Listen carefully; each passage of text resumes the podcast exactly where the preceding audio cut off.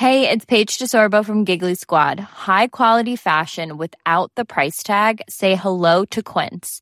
I'm snagging high-end essentials like cozy cashmere sweaters, sleek leather jackets, fine jewelry, and so much more. With Quince being 50 to 80% less than similar brands. And they partner with factories that prioritize safe, ethical, and responsible manufacturing. I love that. Luxury quality within reach. Go to quince.com slash style to get free shipping and 365 day returns on your next order. Quince.com slash style. Life is full of awesome what ifs, and some not so much, like unexpected medical costs. That's why United Healthcare provides Health Protector Guard fixed indemnity insurance plans to supplement your primary plan and help manage out of pocket costs. Learn more at uh1.com. Hallå, hallå! Simon Gärdenfors heter jag. Eh, Nu ska jag först göra lite reklam innan vi kör igång med veckans arkivsamtal med David Liljemark som är gäst. Och sen så ska jag berätta vad som händer efter podcasten. Men då börjar vi då. Ifall du lyssnar på det här eh, nu när avsnittet släpps, eh, det vill säga lördagen den 16 augusti 2014, så eh, kommer specialisterna att köra live ikväll. Alltså den 16 augusti 2014. Vi kör stand-up på Malmöfestivalen på ett ställe som heter Blå båten. Ni får googla fram adressen till Blå båten. Men eh, vi kör igång i alla fall 23.00 och varar i typ 50 minuter. Det är jag, Anton Mr Cool Magnusson och Petrina Karlsson. Och vi kommer ha en konferencier som heter Filip Andersson. Eh, Det kommer bli väldigt skoj så missa inte det för allt i världen som vi brukar säga. Eh, Sen eh, veckan därpå, eh, den 23 augusti, då kommer eh, jag och eh, far och son uppträda på en hemlig festival som heter Pizza Slice på slottet. Eh, Det är många kända hemliga artister och det är på, allting är väldigt lite skumt runt det. Men Man får gå in på, man får googla Pizza Slice på slottet och köpa biljetter där. 23 augusti, det, det kommer bli spännande. Mm. Det, detta om detta. Eh, sen, anledningen till att jag pratar lite långsamt så här nu, att jag inte liksom stressar med reklamen och sånt där, det är för att veckans avsnitt, är, det blev lite kort. Vi fick klippa bort mycket där, eh, av avsnittet där David bläddrar i böcker om Fröding.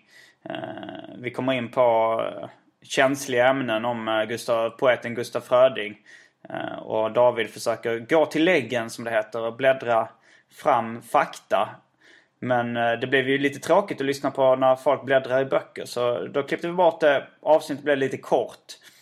Eh, men som jag gjorde vid något annat tillfälle innan så, så körde jag lite personligt snack efter liksom signaturmelodin har tonat ut. Eh, och det tänkte jag göra den här veckan också faktiskt. Det tyckte jag blev lite mysigt. Så om ni vill höra personligt snack så lyssna på ehm, liksom, häng kvar efter signaturmelodin har tonat ut. Eh, och lyssna på det då. Ja, det här är ju toppunderhållning, det hör ni nu. Mitt, mitt svammel här i början också. Men i alla fall, eh, podcasten är klippt av Einar Svensson. Jag heter Simon Gärdenfors. Nu kommer Arkivsamtal.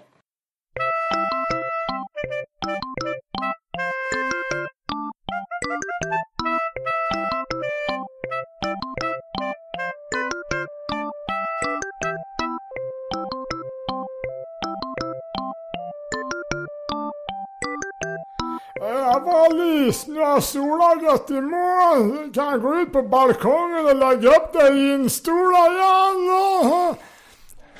Gynstolen. Jag bara gissar att det var det. Gynstolen ja. Har noterat ett visst intresse för gynstolar. Den brukar återkomma. Mm. Mm, Du vet klassiska ljudtestgrejen. Vad åt du till frukost? Det var samma som jag gjort varenda de här jävla gångerna egentligen. Och vad är det? Det var en liten diskret variation eh, igår Mm. innan jag la mig. Tog jag faktiskt lite Rice Krispies med en blyg sk- skvätt eh, mjölk. Ah, Ja, innan la dig? Ja, utöver den vanliga då. att Två rostad råg. Eh, sån här surdegsbröd och eh, vatten. Men nu tog jag toppa fyllan så att säga med en mycket blyg portion Rice Krispies. Mm. Snap, Men- crackle and pop. Men uh, vadå, innan Pep. du gick och la dig? Vi har ni bodega! Mm. Eh, frukosten är ju den vanliga havregrynsgröt med äppelmos, laktosfri lättmjölk, två rostade råg som vi så skämtsamt säger på Café Chateau i Bandhagen. 39 spänn styck. Mm. 39 spänn för någons värdighet. Är det ett citat från någonting? Det- Reklamen för Situation Stockholm är någonting sådär 50 spänn för någons värdighet. Mm.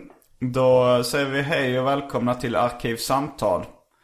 Eh, veckans gäst som sitter mitt emot mig är lyssnarfavoriten David Liljemark. Tjoffen! Tjoffen. Det är värmländska och betyder hej.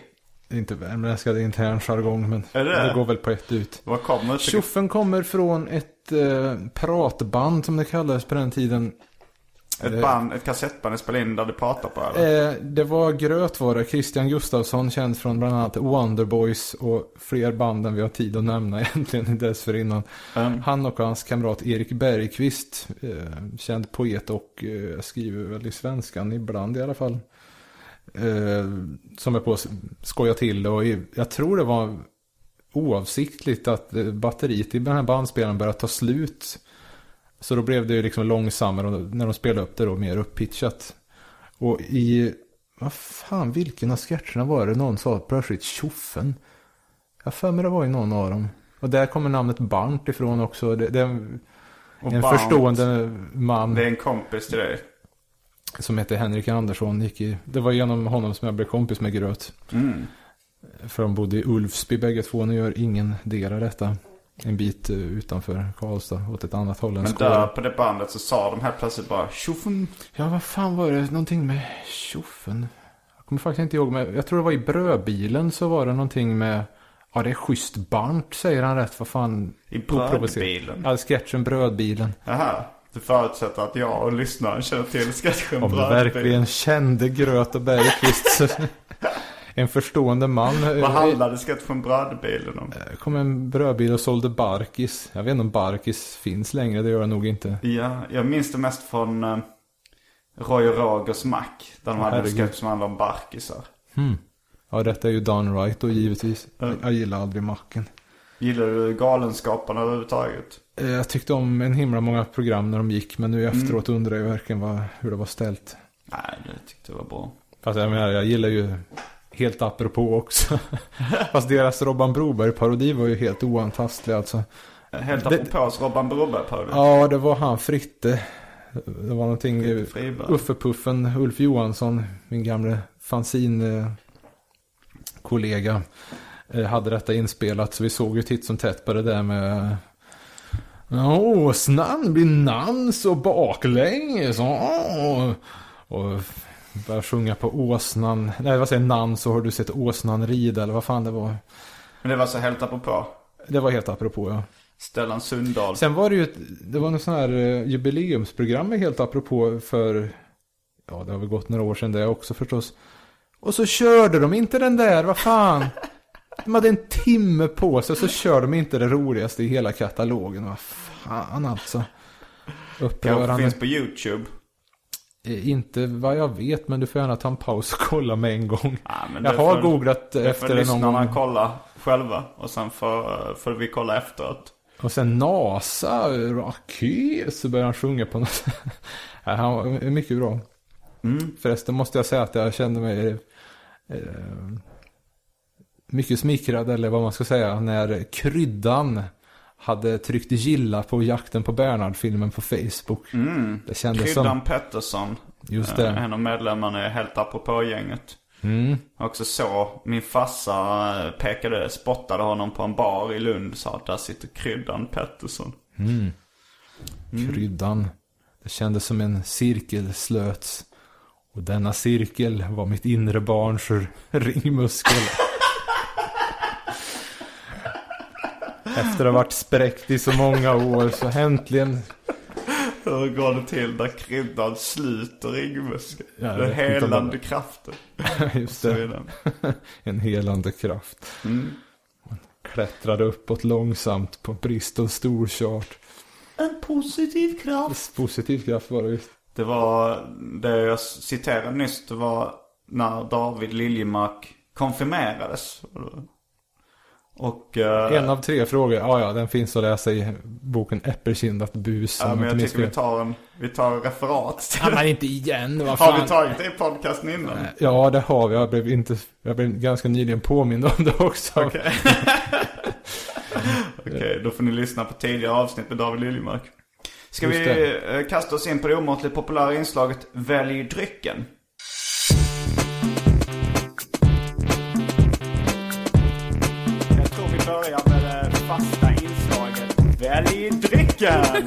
Jag kör listan då. Finns det en lista så ska den in.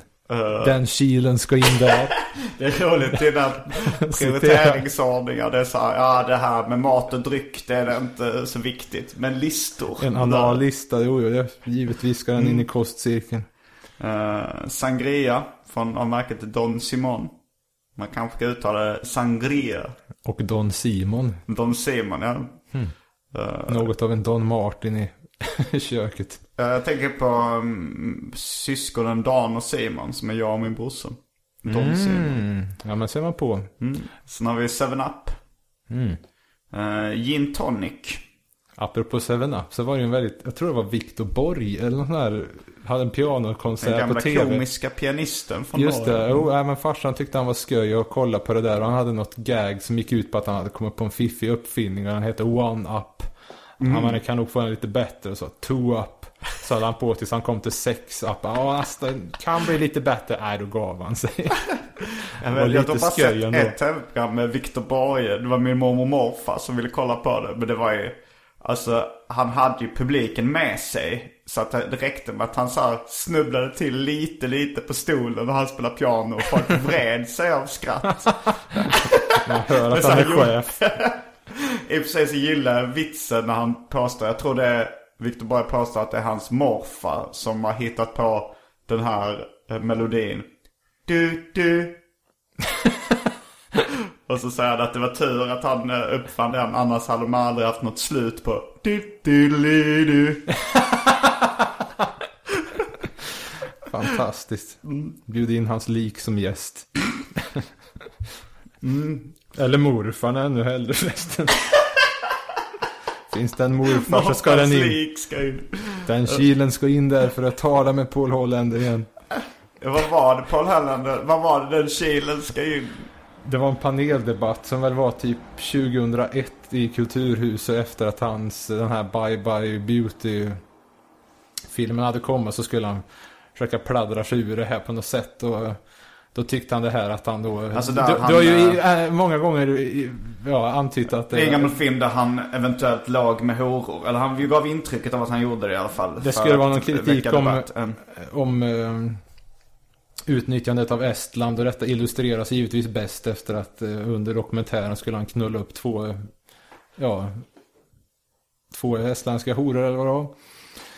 Eh, och det är ju gärna så man gör att om man har en, ska göra en dokumentär om förintelsen så ska man väl och gasa ihjäl ett par på slutet också för att verkligen dra hem poängen. liksom, nej det var konstigt hjärnsläpp. Jag menar om det var fejkat. Jag vet inte fan. Det Han kan man väl hoppas att det var eh, kanske. Men hur som helst så sa han själv där att den där, det var tvunget att vara med det där. Den kilen ska in där. Mm. Jag skrev ett reportage om det för den här sajten Bryt Tystnaden som jag tror inte är kvar på nätet. Men eh, ja, ja, det finns väl något kryphår som är för att komma åt gamla nätsidor ungefär som i Twin Peaks. Du vet den här, i tid och rum så öppnas en spricka där en hand kommer in och allt kan hända. Eller det vet du inte, du är inte lynchfan. Nej, tvärtom. Själv blev jag ju gravt eh, uppsprallad. Jag såg i recension i morgontidningen att det kom någon Blu-ray-box. Nu har jag ju ingen jävla Blu-ray. Men, Men det var ytterligare 90 minuter från uh, långfilmen. Fire Walk With Me. Jag menar, vilken känsla. Så jag måste bli kompis med någon som har Blu-ray och har boxen. Förmodligen är det Erik Uppenberg jag får vända mig till. kan jag eventuellt ladda ner en Blu-ray RIP. Fast du vill kanske... Nej, sånt där är för er ungdomar med bakvänd keps. ladda ner mig hit och ladda ner mig dit. Jag har noga räknat ladda ner MP3 tre gånger. Det första var, jag menar Anvil. Det var det här hypen att de skulle få en nummer ett eh, Den placering. dokumentären kan jag rekommendera. Ja, jag menar, det var ju en okej låt, men jag menar, Anvil var ju ett dussinband redan när det Metal begav sig. metal. Just det. Det är en bra låt. eh, Kan man inte säga något annat. Men när jag ändå var igång då, liksom vresa för market demand, så var jag tvungen att ladda ner eh, Venom-låten Senile Decay också. Som tydligen fanns eh, Mm. eh, var den digitaliserad. tredje? Den är lite obskyr. den finns ju annars då bara på den samlingen From Hell to the Unknown som jag givetvis har. Och den tredje var att Madame X hade släppt en ny låt. Mm. Inför sin återförening nyss på Sweden Rock. Nästa dryck. Ja. Eh, vi var ju mitt uppe i gin tonic hade vi just nämnt tror jag. Fast du hade, nej, det var nog en sidospår på 7-Up vi gled in på med Victor Borge och hela Du vet ju vad, hur, hur ginen ska vara enligt det tidigare, enligt jubileumsprogrammet. Kall gin var det. Så var det. Eh, ja, det var ett Kiss-referens. Just det. Bandet, inte drycken. Sen har Nu, vi... nu hör man hur Bromanders trycker off på, på, på sitt lyssnande.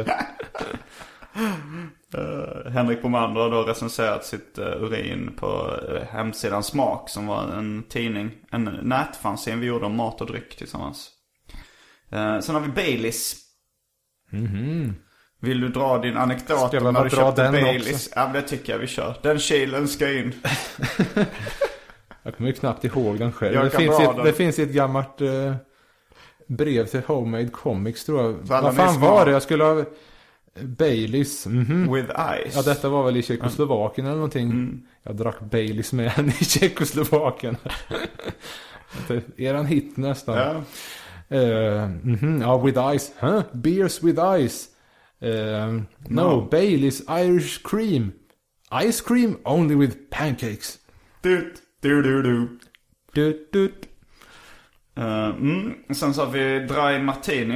Eh, mm, man kan ju dela upp uh, ingredienserna i Dry Martini och gin tonic också om man vill ha bara gin eller bara martini eller bara tonic vatten. Eh, och sen så för Det tråkmånsar och roligaste med har- tonic Ja. att det låter som när Reidar tjötar om Turney. i rederiet. betoningen Turney. Eller han sa ju inte det på skånska. Turney! Kom här och sörj min kalk, Turney! Jag vet jag kommer inte ihåg riktigt. Ah, Tony? Ja, det är bra. Jag kan verkligen inte härma Gösta Prytzelius. Ja, jag frid över hans lik. T- Tänkte du säga hans uppknullade liv?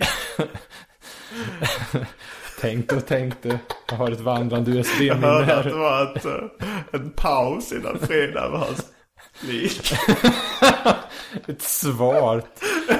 Ett stumt Mo- morsan körde en del med det här stumma grejer. Ibland det var någon som man var förbannad på. Så hade ibland det, ordet köna är ju intressant. Det är kvinnan Alltså på värmländska. nej det är nedsättande är det. Okej. Det betyder ju inte hora men liksom att det är en, ett jävla stycke liksom. Och då var det alltid att det, det var att jävla kö- Inte där det var jävla könare där, utan det var, det var, att det var liksom svart varje gång.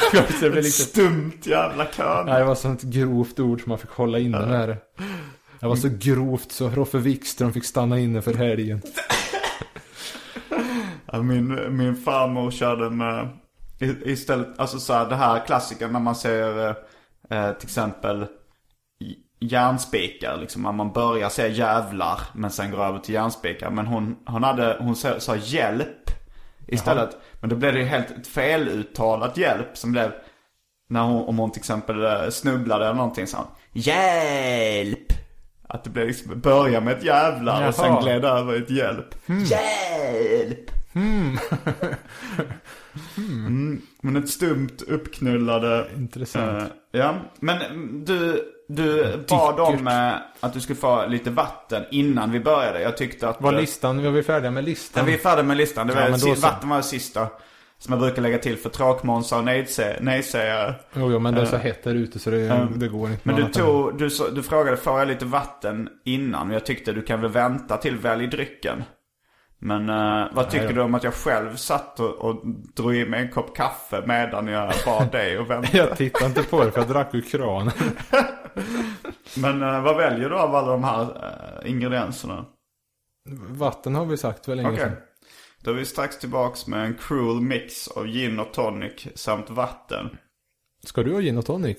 Ja, vill du ha det också då? Din begynnande alkoholism. Ja, som Ingvar Oldsbergs begynnande flint som han skrev på Twitter. Börja dagen med en stark öl för att prata med Roffe Wikström. Det är ju det är ju trots allt fredag. Du kollar på klockan. Mm. Då, är, då är vi strax tillbaks med dryckerna kända från Välj drycken. Häng med!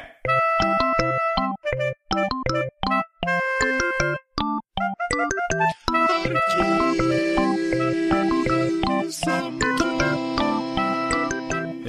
då har vi eh, valt dryck och introducerat gästen. Simon, jag måste bara fråga.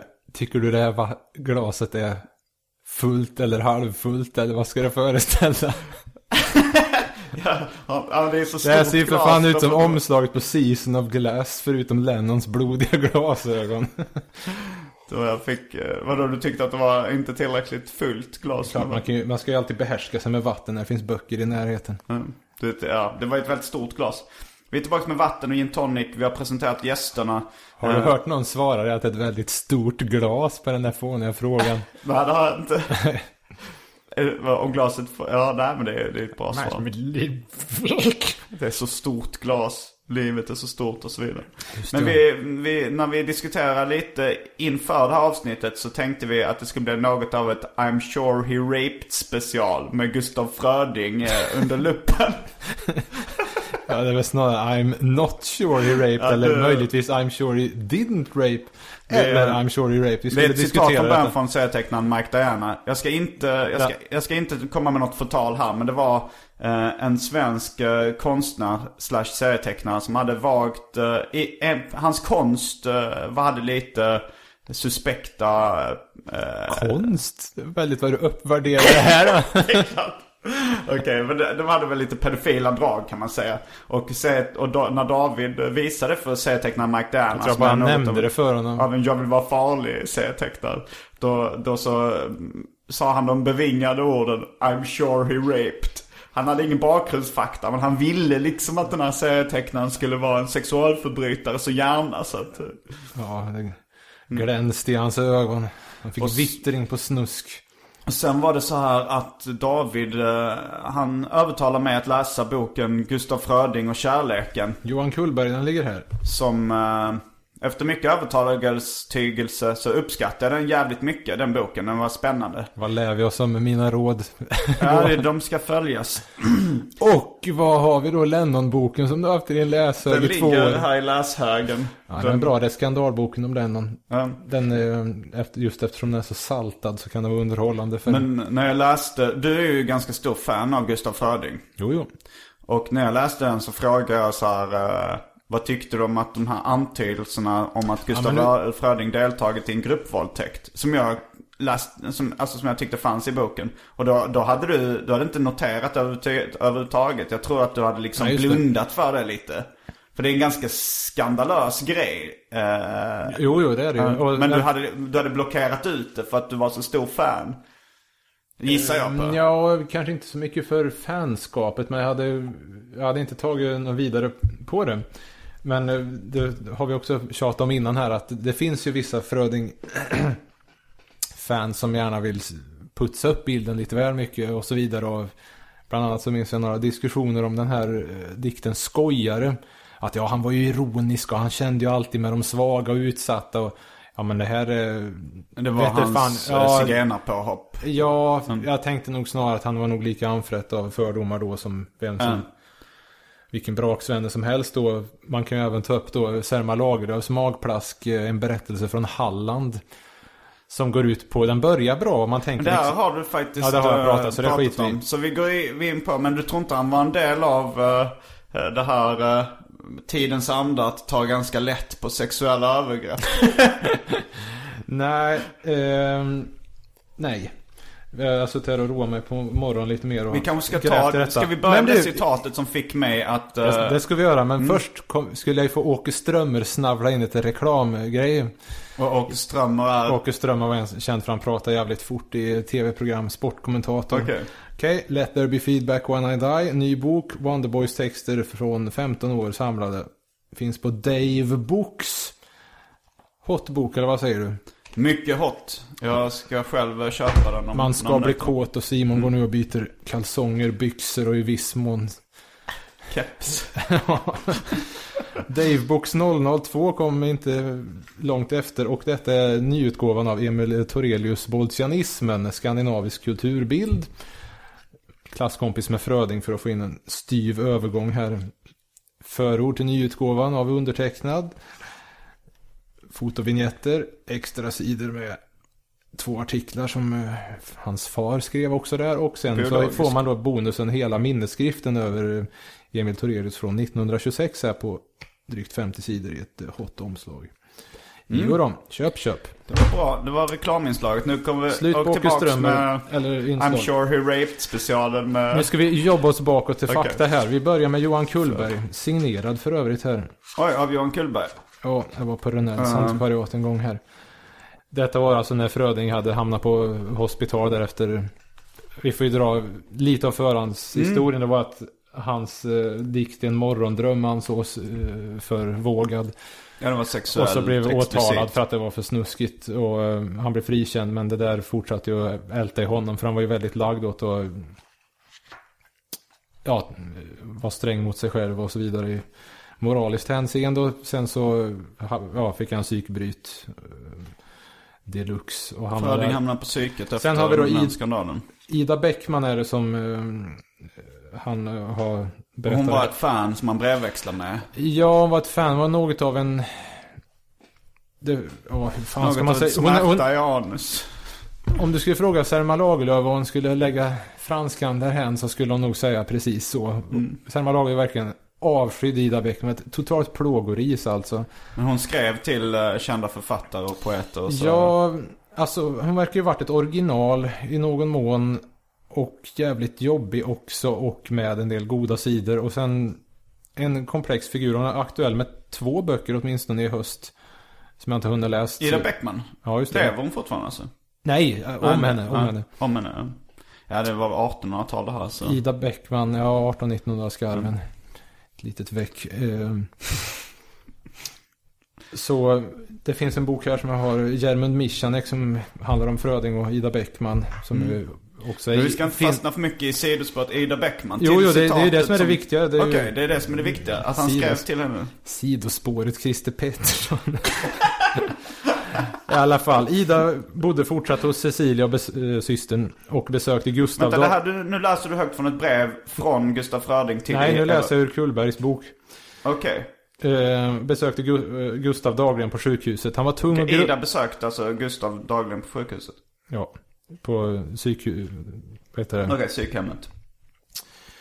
Uppsala hospital. Han var tung och grubblande. Under samma period berättade han om ett inte närmare beskrivet övergrepp då han och några kamrater stängt in en ung flicka i ett rum i Karlstad. Förmodligen är det samma upplevelse som hans tidigare självbekännelse handlade om. Eh, ja, sen kommer det annat där. Ja, och Och då den... finns det ju då en lång harang som Fröding skrev. Jag vet inte om vi hinner läsa upp hela Frödings erotiska Du kan syndabekännelse. kanske dra en eh, sammanfattning av det, vad som står i Ja, den. det får vi göra. Det är Jermund Michanek som... eh, Jag undrar hur det är med honom nu. Jag tror han är gammal och dålig. Eh, Han är En författare som skrivit mycket viktig Frödingforskare skulle jag säga. Och i boken Från Frödings värld Mm. så finns då den här erotiska syndabekännelse och detta är... Nu ska vi se. November 1894 så skickade han den här, något av en bikt till den här, en, eh, en bekant i Karlstad, skolläraren, senare riksdagsmannen Edvard Valentin Gelin och ville att han skulle läsa upp bikten i sin frikyrkoförsamling då. Mm. Och eh, ja, det är ju en eh, lång harang. Ja, vi hinner inte dra den. Nej, men kanske kan... Men i eh, alla fall, den börjar med någonting att ni har kanske hört om mitt sedlighetsbrott mot naturen med en kvinna. Även många andra lastfulla gärningar har jag gjort som jag ville offentliggöra inför er församling i Karlstad. Det var ur själva brevet då. Och... ehm, men här är två saker. Det ena gäller... eh, vad var det? Coitus inversus. Ehm, att... nu, ska vi se. Det är Kullberg som menar att det skulle ha rört sig om att han getar på henne bakifrån. Inte analt utan bara bakifrån. Ja, då är det Tommy Olofsson som väl känner dig och din far. Ja, han är från Hjärup. Det är faktiskt uh, Just det. en, en Nej, han är, vän. ifrågasatte det där och menade att, vad fan, det hade väl liksom inte, eh, den termen har man väl inte där, utan han trodde att det snarare var analsex det rörde sig om. Men Mm. sen finns det, jag tror det var Maurits Hellberg som skriver om det någonstans, att man har fått ett citat där, var det inte något farligt vi gjorde? Men Eh, hon kanske inte tyckte analsex var någon stor grej. Ja, vad det nu var. Men i alla Mm. fall, det var att här så... Det, det är väldigt mycket om skuldkänslan och att han liksom sög på sig vad fan som helst nästan. Um, Eh, man får ha det i bakhuvudet. Det står också i... Vart fan har vi den nu då? Nej, den är hemma. han får i bakhuvudet att han gjorde en stor grej av eh, sex bakifrån, eventuellt analsex. Nå, eller liksom fanns det en skuldkänsla, någonting av att känna sig skyldig över så skulle han Mm. gärna kinga det liksom. Mm. Eftersom han var, ja, han var psykiskt sjuk då. Eh, och i den där bekännelsen så nämns inte den här, det här som Ida Bäckman skriver Eventuella om. gruppvåldtäkten som han deltagit i. Ja, just det. Och det är, nu ska vi se, både Frej Svensson och John Landqvist, eller var det också Är det? Frödingforskare?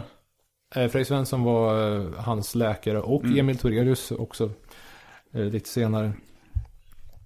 Att med tanke på att han drog upp så mycket, liksom ville göra en stor grej av rena småsaker i den där bikten. Så att Ja. hade den här I'm sure he raped-grejen inom situationstecken varit liksom något att ta på så skulle det ju givetvis varit med där eftersom han fläkte ut sig totalt. Ja, men det är inte helt säkert att han fläkte ut sig totalt. Det kan ju vara så att, han, att det satt för, att det gjorde för ont, det minnet. Ah, Eh. här får vi nog, eh, det smärtar mig att behöva ta upp ordet hudlös, men här skulle jag säga att här För- är det men liksom ingen ju- spärr alltså. För han har ju nämnt det vid andra tillfällen. Jag för mig att du, när vi eh, Facebook-meddelade lite så sa du att du hade läst på mer. Ja, och du just tyckte det. också att det började lukta gruppvåldtäkt. Ja, jo, jag blev, eh, när jag läste det här, sen läste jag ännu mer och, eh, vad fan var det nu? Så det har svängt från I'm sure he raped fram och Ja, tillbaks. jag, först från inte till att, ja det här ser ju illa ut, Mm. Fan, ja möjligt. Mm. Någonting för att prata om det, eller något för, ännu värre. Ja. eh, till att det verkar mer trovärdigt. Det var ett annat... Eh, fan var det inte. Ja, det är antingen Landqvist eller Frej Svensson-boken i alla fall. Mm. Där eh, de skriver, den någon norsk eller dansk dam som på skriver om en, när han satt på Suttestad och så eh, ja, pladdra med en annan kvinnlig patient där. Och var tydligen väldigt gentlemannamässig mot den där. Men, Alltså, Fröding satt på ett danskt mentalsjukhus. ja, norskt. Norskt mentalsjukhus. Men det var en annan patient där som har berättat om det här. Om en tredje patient som Fröding liksom var väldigt stöttande och alltihop. Mm. Och sen så hade han skrivit till den där eh, ändå liksom skuldkammaren. Ja, ursäkta att jag har skändat er eller något sånt där. I den stilen ungefär som Alltså i light-nivå kan man känna igen det från vissa i bekantskapskretsen. Det här med att man går på en fest. Mm. Man beter sig liksom helt okej och kommer hem och gruvar sig över att åh, nu var det så jävlig och eländig. Och, En bakfylleångest-style. Nej, eh, snarare liksom ingen självkänsla och eh, tror att man har liksom gjort fel hela tiden. Okej. Men i alla fall, nu tar vi vad som det står här i... Det som Nej men titta det här har vi det ju. Mm.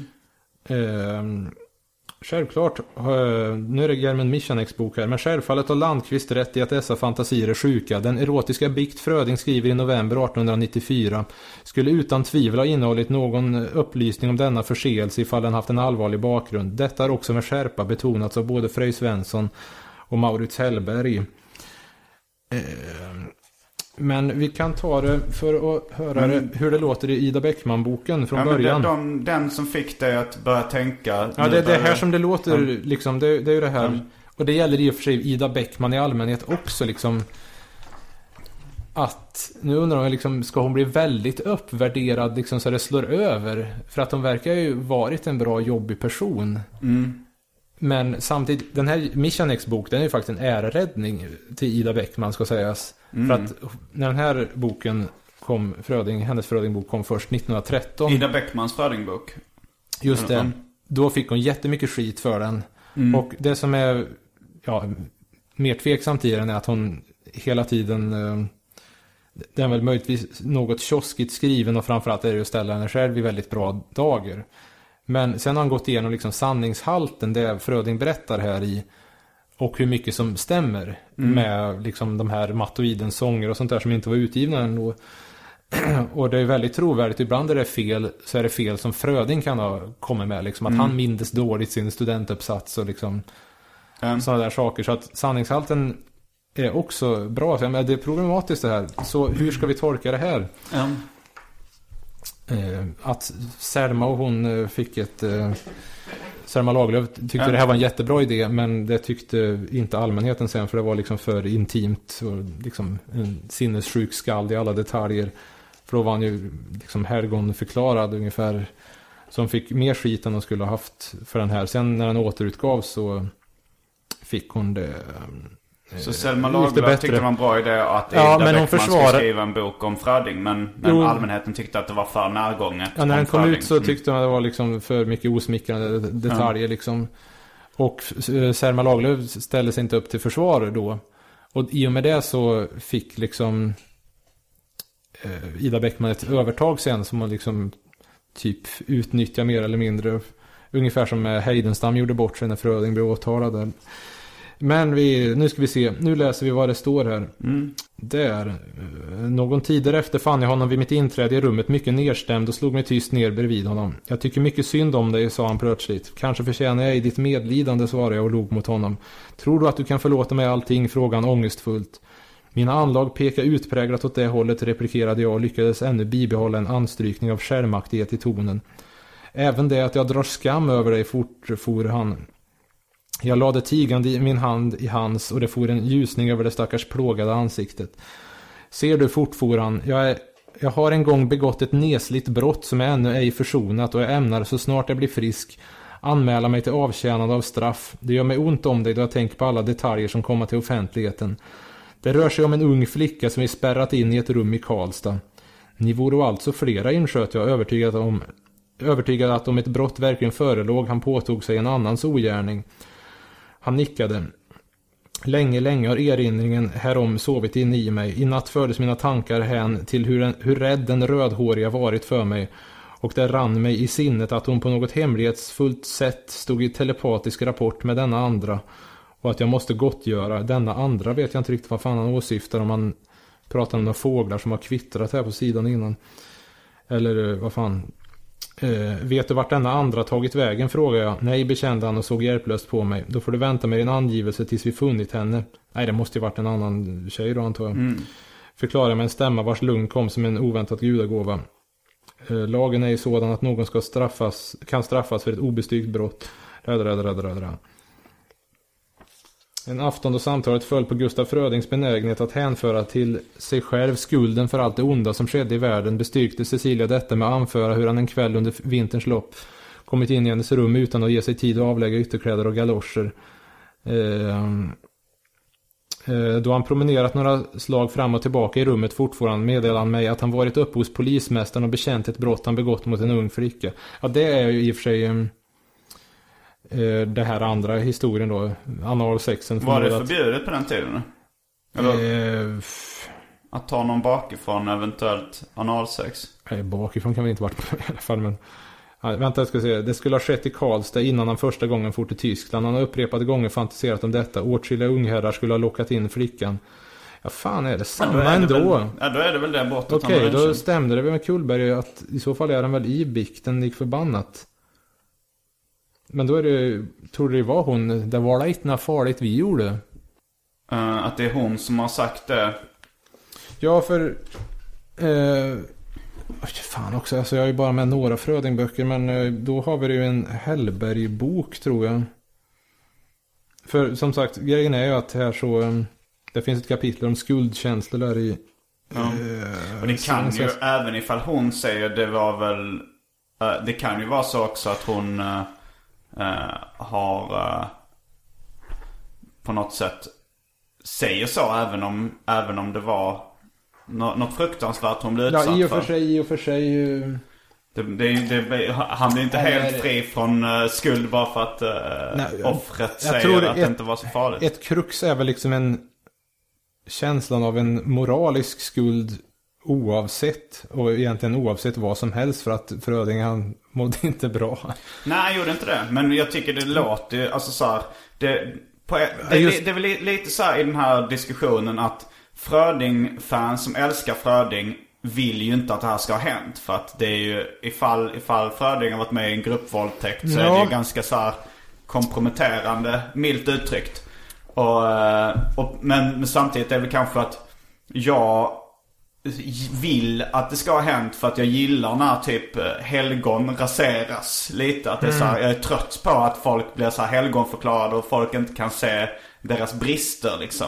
Och, Ja, I och för sig är det ganska gott om brister i hans Jo, det är mycket brister men, men det är ändå liksom att, eh, att, att det så pass, att det antyds så tydligt ändå i de här böckerna. Och det, det är ju ingenting som folk i allmänhet pratar om eller känner till när man pratar om Fröding. Det är liksom inte, det är inte så omdebatterat. Alltså man, man kan jämföra lite med så Elvis Presley. Det här när han... eh, Slog Priscilla eller? Ja, det våldtog henne också. Alltså hon, berättade om det i sin, eh, i sin självbiografi. Att han tvingade sig till sex vid något tillfälle och så vidare. Eh, och det är också så när, att folk som är så stora fan av El, fans av Elvis. Vi behöver nu- kanske inte ens nämna Michael Jackson. Michael Jackson, ja. Men i alla fall, man får ju ta det i kontext också. Man kan ju inte bara lyfta det heller. Utan Nej. få se till det. För det är ju ganska mycket som... Ja, man, man kan faktiskt sitta och dribbla med det. Sen är det ju det här en annan grej. Att han be, det är just en... Eh, det är väldigt inne på sexualitet i den där. eh, Däremot så är det ju ganska... Eh, det här liksom hans... Jag menar, skulle man göra en film om Fröding då måste den vara socialrealistisk. Annars blir det skit eh, jag menar, liksom de här utspelen och liksom hur slitsamt det måste varit för syskonen och det här. Och de aggressiva utbrotten inte minst. Liksom slår sönder något bohag vid något tillfälle hos... Eh, det var inte Cecilia utan han, eller kan... Vet inte hur ofta han gjorde det. Men, och det här när han nästan... Eh, när han skulle ta liv av en medpatient där eh, i Norge. Var det väl... Eh, Ja men självklart så kan ju någon som, är, som gör fruktansvärda handlingar eh, ändå vara intressant och begåvad. Men vad jag tycker är jobbigt är när, när folk som är fans eh, börjar liksom ursäkta det. ursäkta det eller, eller eh, blunda för det och inte ta upp det och bara säga nej nej nej det där, det där. Alltså, så här, och, så, nej, men som, Mm. Nej, nej, det är, det är ju viktigt. Det är ju- Jag har ju tagit med mig här så vi kan Jo, jag ta det, upp det, till debatt här. Det är hedervärt men ändå på något sätt så kanske det var en naturlig spontan reaktion för dig att ignorera det första gången du läste liksom antydningar om det. För du har ju läst det, det var ju så, nu är mitt värsta Fröding-nördande peakade väl för ett par år sedan. Så att Mm. jag har ju liksom lite sämre i minnet. För menar, det tog ju som du själv har erkänt ett tag innan du verkligen läste den här jävla Ja det boken. tog det. Men i Mm. alla fall så, just eftersom det är så pass vagt där så, ja. Men just det här att eh, hon var så rädd och man, man tänker på hans aggressiva utlopp och liksom vad, vad, vad, vad fan hände egentligen? Man får liksom en dyngrak Fröding och ett gäng andra studenter på fyllan och någon, ja jag vet inte om de var prostituerade eller jag tror det va? Eller? Nej det, Jag vet står, inte. det, det står, vad jag så det står ju inte- om, Det kan inte spela jättestor roll men vad jag så står det ingenting om det. Men, men, Nej nej men det hade ju inte, jag ihåg- det är ju frikort liksom. Men jag tänkte på, eh, för jag har för mig att det stod flera ställen i den boken antydde när han sa nu ska jag erkänna allting. Att Fröding vid något tillfälle sa nu ska jag erkänna allt och så tog han upp det någon gång till i den här, eh, i den här boken. Alltså Kullberg-boken. Eh, må- alltså så här att, att det var vid två tillfällen så, så stod det om den här eventuella gru- gruppvåldtäkten. Det är du Eller- som planterar ordet Ja, gruppvåldtäkt är hela tiden. Okej, men varför, varför, att bara stänga in någon i ett rum. eh, Ja, det är ju det här, det, är ju så vanskligt Det kan- skrivet ja. här alltså. Det är det som men är det, han verkar frustrerande. skämmas något fruktansvärt för vad han har gjort. eh, ju- i, det, det, i det sammanhanget. Och han... Och, eh, och det känns som att ifall det bara var att de låste in någon så... Så känns det som att det inte skulle vara så stor grej. Men varför tror du inte han tog upp den här händelsen i sin bikt? Alltså den här... eh, Det som han sen tar upp till Ida Bäckman och... Därför att det inte var liksom så en, en så stor grej. Men, men vad, han tyckte det var större grej med att ha tagit någon bakifrån och det är massa mindre Ja, onani det var och ju- sådär liksom. Nej, nej, nej. För Det, var- det- det var ju det som förmodligen var enligt... eh, Eller analsex. Men jag menar han tar ju upp onani till exempel som en, Jo, en stor han, grej. Eh, Alltså han tar ju upp Ja. jättemycket grejer. Varför alltså det är klart att det är en stor grej. Vad det än var som hände så är det någonting han har skämts för tidigare och efter. Jag tror det igen. ganska mycket handlar om att du inte vill tro att det ska, han ska ha gjort någonting fruktansvärt. Jag vill och vill. Det är ju, det är ju tekniskt sett möjligt men eh, i sitt sammanhang, ja, jag vet inte fan. Det, det är liksom, om vi säger så här, Ida Bäckman har vi ju pratat om trovärdigheten och så vidare. Och hon är ju trovärdig i vad, att hon återger vad Fröding har berättat. Um, Och att han skämdes över det här. eh, Så mycket är ju klart. Men samtidigt är det att då var han ju liksom på hospitalet och drog upp liksom vad som um, vad han än- kunde liksom att ta på sig problemen. Vilket ju också även systern har tagit upp liksom att han ska ta på sig. Han, han vill liksom vara syndabock på något sätt. jo, men han ljög väl inte ihop eh, så mycket grejer. Alltså så här, som han hade gjort som inte var sanna. Ja, om man, apropå det där brevet innan Mm. där så var det ju att eh, han eh, började liksom ursäkta sig hej vilt för att- hur han hade betett sig mot den här medpatienten. Mm. När han i själva verket hade tydligen varit väldigt liksom schysst Ja. mot den där. Så att det är ju det att han här slutar allmän väg. det är liksom inte den Mm. vanliga logiken. Men jag menar, det, det tål ju att dras några varv. Ja, det är en intressant fråga. Jag tror inte, det blir lite för flummigt nu när vi ska liksom spekulera i det. Ja, det Men, re- sånt här reds ju Ja. bäst ut i, i lugn och ro. Ja. Textform kanske eller i en längre tid. Ja. Helfärgform, helfärgform! Men jag tänkte lite på Mike Diana, han då som låg bakom citatet I'm sure he raped. Ja, där är ju mer... Förresten om... Har, Den kanske vi ska dra, kan du dra det i korthet vad som hände med honom? Förlåt? Alltså historien om Mike Diana, alltså Nej, rättsskandal. det får folk googla. Men du, det, det finns ju en grej som... Eller sa jag det sist det här med Kiss Manager som... Varför tar folk inte upp det? För det är ju liksom något mer aktuellt. Uh, i, sa jag det att i Paul Stanleys uh, självbiografi som kom hyfsat nyligen, Face the Music, Mm. så skriver han om gamla managern Bill O'Coin. Som, ja vad var det, turnén 1980 balla ur och höll på med minderåriga pojkar. Alltså han var ju homosexuell och var länge ihop med Sean Delaney, en stor Mm. favorit, eh, mycket underskattad. Eh, Men detta var efter att de gjorde slut och så står det liksom att eh, ja, han håller på att pedda sig helt enkelt. Mm. Och sen när det här togs upp på Kiss FAQ-forumet så dök det upp en kille i Tyskland som han hade försökt liksom förföra ja, mycket trovärdig historia. Och sen var det ju dessutom när... Hur gammal var han då? Vad fan var det? Ja, det var inte lovligt i alla fall.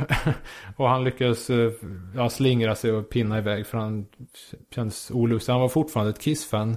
Mm. Otroligt nog. eh, Men eh, Det var ju manager. ja, det borde ju tagits... var, han var ju manager för Lordi på slutet också. Här. Mhm. De kickade honom ungefär vid vid äldretiden. Om det, vore... det hade ju varit något va?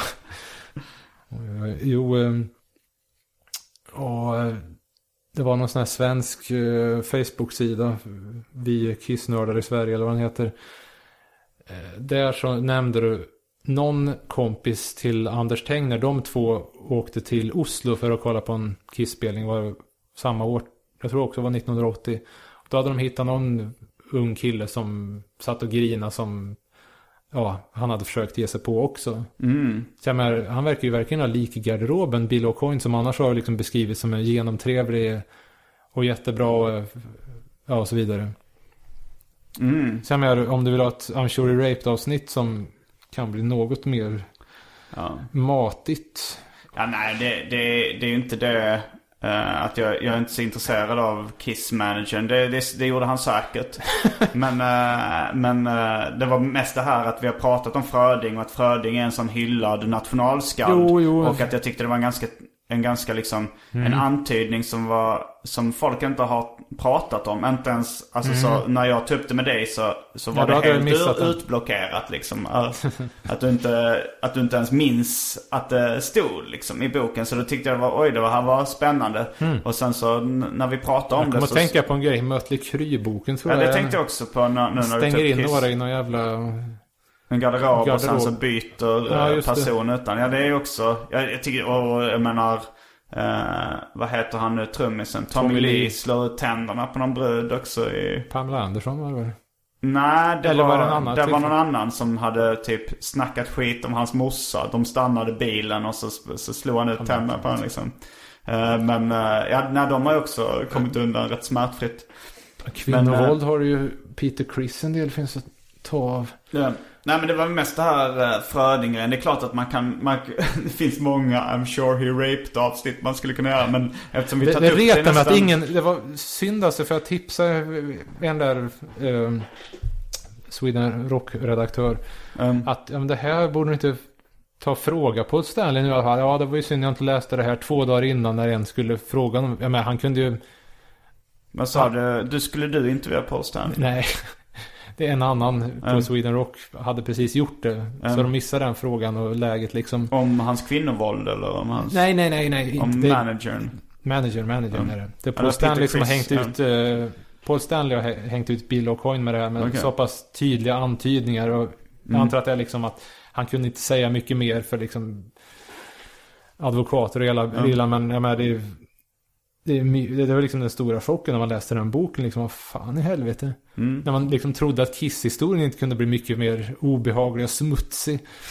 Jo då, så att...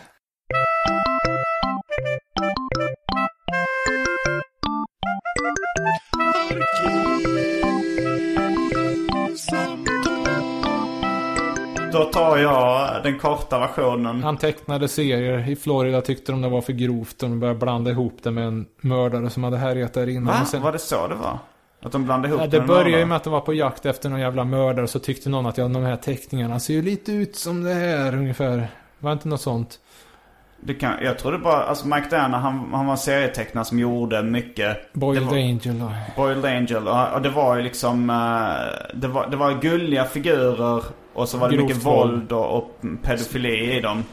Och eh, det slutade i alla fall med att han hamnade i fängelse. Eller slutade inte men han hamnade Nej. i fängelse på grund av sina teckningar. Jo, Han satt ju ett- häktad. eh, vad var det? Ett par dagar eller något dygn. Jag kommer inte ihåg hur länge det var faktiskt. Men Mm. sen fick han ju en dom som var jävla massa böter. Och att han inte fick vara i närheten av minderåriga. Men det var bara på grund av liksom teckningar han hade gjort. Ja, fullständigt Mm. vansinne. Ja, och... Sam... Nu höll jag på att säga någonting om serieläger här. Men eh, det var ju också, det är ju intressant Florida att de kan döma folk för deras konst på det sättet. Mm. Och det var ju inte, det var ju inte liksom eh, jag, jag tycker liksom att det var fel att, eh, att sätta Dan Park i fängelse på grund av hans konst. Men det var inte ens liksom hets mot folkgrupp eller någonting i, i Mike Dianas fall. Det var bara att det var obscen, skildrande och spridande av obscent material. Att han hade Ja, tecknat för För det, var ju en, det var en polis som Mm. liksom undercover höll på och liksom beställde beställde hans fanzines. Bisarrt. han har varit i Sverige några gånger och haft utställningar. Och Danmark. Mm. med i en performance-grej också. Men vad skulle jag säga? Jag har inte följt Don Park-historien. Nej, Men det är, jag tycker det är uppseendeväckande att man i Sverige sätter en konstnär i fängelse på grund av deras konst. Samtidigt som man så gnäller av så här, ah, Ai Weiwei, han i, han, eh, eh, i Kina där så är det så mycket censur och så här. Sen så utan någon större debatt så är det bara in i finkan, griper någon på deras på vernissaget på galleri och liksom. Och samtidigt så slår de ner motdemonstranterna när de riktiga nassarna ska prata. Ja, det, det kan inte ha så mycket med konstfrågan att göra men jag tycker det... Nej, nej, men det är liksom polisens prioriteringar. Jo. Men det är ju... Oavsett liksom. Alltså jag, på något sätt så tycker jag att det inom humor så finns det ett kryphål i lagen, som, eller kryphål och kryphål, en klausul som är uppenbar satir. Att när man, när det är uppenbart humor så får man säga andra saker än, eh, än vad man får säga om man menar allvar liksom. Då kan man komma undan med kanske ett visst mått av hets mot folkgrupp. Och jag tycker att det borde finnas en motsvarande lag för konst. Att man, om det är uppenbar konst så, eh, så borde det finnas ett annat regelverk än för... eh, Ja, man kan ju inte göra vad som helst för att det är konst heller. nej, men, men jag tycker... Och där kommer vi in på den där kilen som skulle in där. Ehm, För jag menar, Dan Park. Det blir ju lätt så liksom i regel att när det är något som är åtalat så blir det att man, man sitter och säger att ja, ja, men det är ungefär som när Pox var åtalat. Ja, Mm. jag tycker, tycker serien är skit, men du ska inte åtala dem. ehm, Uh, nu var, vet jag inte om jag tyckte det, det var skit, men Dan Park, det lilla jag har sett, jag bara tänkt liksom, vad är det för... Men det spelar väl ingen roll egentligen hur bra konsten är. Jag tycker vissa av grejerna är roliga. Jag håller ju verkligen, alltså jag, han är ju rasist och nazist. Eller Han verkar är dum i huvudet Ja, om jag ska Ja, på bordet. jag har åsikter som inte jag har. Men... eh, Så jag menar, liksom, det finns ju liksom nassar som tejpar upp de här jävla, liksom, på elskåpen och Mm. liksom, men att han liksom har nosat förbi någon sorts hippt sammanhang att eh, det ska vara under konstflagga, jag vet inte fan. Ja, men det, är ju, det är ju konst han gör. Det är ju så här konstigt att ifrågasätta varför man inte gillar det så kan Nej, nej, nej, så- visst inte, det är klart. eh, I så mått. Det är många men det blir liksom, det där är inte konst. Och sen... liksom, samtidigt om du går och sprayar ett hakors här nere på väggen Mm. så går det liksom inte stå och jiddra någonting om att ja men det är liksom graffiti är ju konst nu, häng med! Jag är nog för lite mer, alltså jag tycker inte man ska ta så hårt på hets mot folkgrupp heller. Alltså så här, jag, jag är för mer liberala lagar vad det gäller hets mot folkgrupp. Alltså för jag tycker det, det blir för, det är för luddigt liksom att man äh, med, med så kallade yttrandefriheten, att man inte får säga vad man vill. När, eh, när man liksom inte kan, inte kan äh, Säga och säga. Eller menar- skriva eller, eller klottra. Men, eh, men, men sen också lite det här, tycker jag det, det är intressant att konsten, man, så fort den har några negativa konsekvenser, eller underhållning eller konst, då, så, då så liksom, så slår folk emot direkt. Men om man ska jämföra det med till exempel trafiken, så är det så här att man Ja. hade ju kunnat ha ett samhälle där eh, de enda bilar som finns är eh, ambulanser och brandbilar och sånt för att rädda människor. Och sen så all, all liksom, transport för vanlig, liksom, att det ska gå snabbare eller bekvämare hade man kunnat förbjuda. Men det är så, man, man offrar ändå folk som skadas i trafiken varje år och, och dödas i trafiken varje år. Man tycker att ah, men det är för att det är bekvämt liksom. Där ifrågasätter ingen. Men så fort det är någonting som har med underhållning och konst, det är så här, ah, det är folk som blir ledsna av det här, det är folk som blir skadade. Då, Ja, då sätter man folk i fängelse liksom. Mm, ja, i och för sig. Eller spriten förresten. Ja, det, det till och med låter man också. Jag, jag är inte, jag är inte, jag, kan, jag har... Jag är inte för full nu Nej men jag tycker inte att man ska förbjuda sprit och eh, all biltrafik kanske. Men, men jag tycker det, det, det blir så skevt när det handlar om att eh, underhållning eller konst. Att då får det inte ha någon offer. Då får det inte någon, någon, om någon kommer till skada bara lite grann. Om någon känner sig kränkt.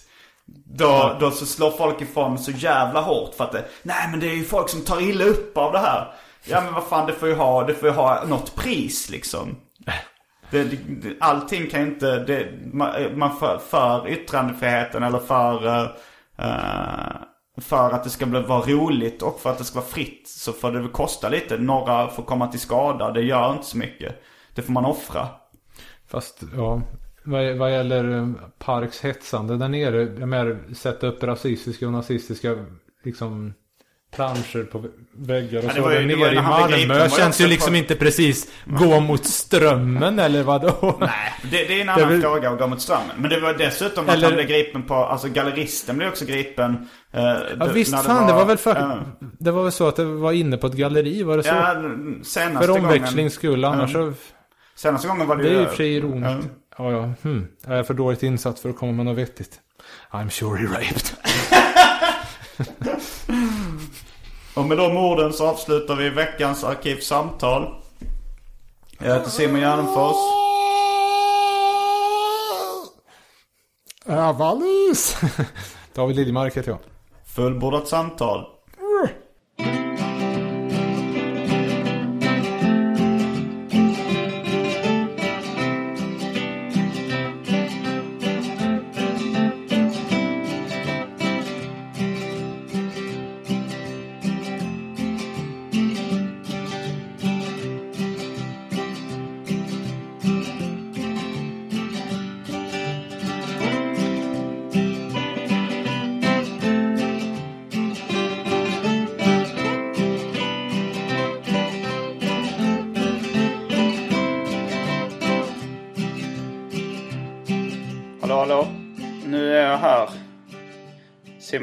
Simon Jag lovade lite personligt snack efter signaturmelodin. Dels för att fylla ut tiden eftersom jag stör mig på när podden inte är mellan 59 och 69 minuter lång. Men också för att eh, ja, det kan kännas bra att prata av sig lite ensam i podcastformat ibland tror jag. Jag har jobbat mycket med självbiografi och att berätta om mig själv lite som självterapi också. Och um, jag var, jag var i Malmö för ett par veckor sedan och spelade in en podcast eh, med Arman och Mr Cool. Eh, den kan ni lyssna på, det var för något avsnitt sen och då, då så snackade vi där i början om eh, Arman, han som var orolig för människor. Eh, och, och jag säger så här, frågar om han varit orolig för mig och han säger nej det har jag inte. Du verkar vara ganska problemfri eller något liknande. Han kanske inte använder de orden men jag, men jag säger i alla fall då att jag har inga problem för tillfället. Och just då så hade jag faktiskt väldigt lite problem. Det, det kändes som en, en väldigt eh, skön period i mitt liv när allting gick ganska bra. Men just liksom efter vi hade spelat in den podcasten, det var, det var liksom inte länge det varade. Så fick jag ett, ett väldigt jobbigt besked att eh, en av mina kompisar hade dött. En, eh, en nära vän. Eh, som hade tagit livet av sig. Och det var, ja det var ju såklart asjobbigt att höra och jag har ju tänkt på det varje dag sedan dess. Men jag tror inte det märks så jättemycket på mitt uh, beteende liksom. Jag låter... Jag är ju liksom för det mesta glad trots att det har hänt. Det, det hugger till ibland av sorg liksom. Det sticker till av saknad och sånt där stötvis. Men uh, hittills har jag ändå klarat mig från att liksom bryta ihop helt av det där beskedet. Jag vet inte, sånt kan ju komma i framtiden också. Eh, jag skildrade i min bok Död kompis liksom i tonåren när en av mina bästa kompisar dog. Och då kom inte min depression förrän väldigt långt senare. Jag hoppas verkligen på att kunna slippa eh, slippa liksom den riktigt djupa sorgen den här gången. Men vi, vi får se helt enkelt. Jag kommer liksom inte heller anstränga mig för att må dåligt. Eh, eftersom allting känns ganska mycket som vanligt ändå trots att jag saknar uh, Pelle som var en kompis som även har varit med i den här podcasten faktiskt. Uh, ett avsnitt som heter Pez. Som är avsnitt, jag ska kolla nu vilket det var. Det var 68. Det kan ni lyssna på och se vilken rolig och fin kille, vilken fin människa han var. Och eh, ja, jag blev ju ganska chockad av det som hänt. Jag har förstått både liksom före och efter att han hade lite av så kallade bipolära drag. Jag vet faktiskt inte. Jag har ingen eh, kunskap inom psykologi sådär, så jag vet inte exakt vad en sån diagnos innebär. Jag vet inte om han har blivit... Ja, jag vet inte helt enkelt så mycket om det. Jag kanske inte ska gå in på detaljer men Ja, det, det har liksom påverkat mig och ganska många i min umgängeskrets. Och det, jag har, har lite svårt att prata om det i, i liksom dialog, speciellt under inspelad form. Det känns lite lättare att prata om det så här. Uh, jag bara kände att jag behövde säga det liksom. Jag vill dels också för att det, dels för att det känns bra att så, prata av mig liksom, terapeutiskt syfte. Men också att, jag vet inte, jag vill ge en sorts bild av mitt liv i den här podcasten också. Som inte kanske bara är den, den tramsiga sidan av mig själv som jag brukar fokusera på liksom. För jag, ja, jag har ju inte så jättemycket, har inte haft så mycket problem på sista tiden. Men det här var ju inte ett problem. Det kan jag egentligen inte kalla det. För det, det är ingenting som jag kan. Alltså problem är ju saker som man behöver hitta en lösning på. Det här är ju mer ett villkor. Som någonting jag måste leva med liksom. Det som har hänt. Så... Uh, mm. Då uh, avslutar vi veckans arkivsamtal på en ganska låg not måste jag säga. Men uh, jag kommer köra vidare så van som vanligt liksom. Jag tror jag tror jag kommer orka jobba vidare. Precis som jag alltid har gjort, förhoppningsvis. Men eh, jag... Jag vet inte vad jag ska säga mer. Jag, jag saknar min kompis. Vi, eh, vi hörs nästa vecka. Jag heter Simon Gärdenfors.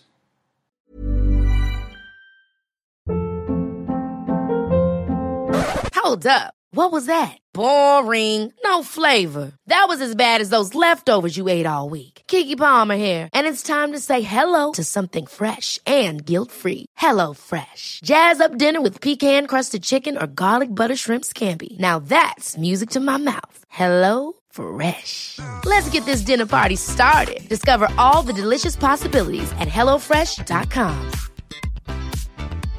Hey, it's Paige DeSorbo from Giggly Squad. High quality fashion without the price tag. Say hello to Quince.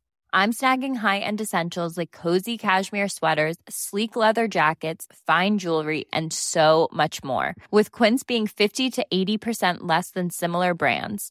And they partner with factories that prioritize safe, ethical, and responsible manufacturing. I love that. Luxury quality within reach. Go to quince.com slash style to get free shipping and 365 day returns on your next order. Quince.com slash style.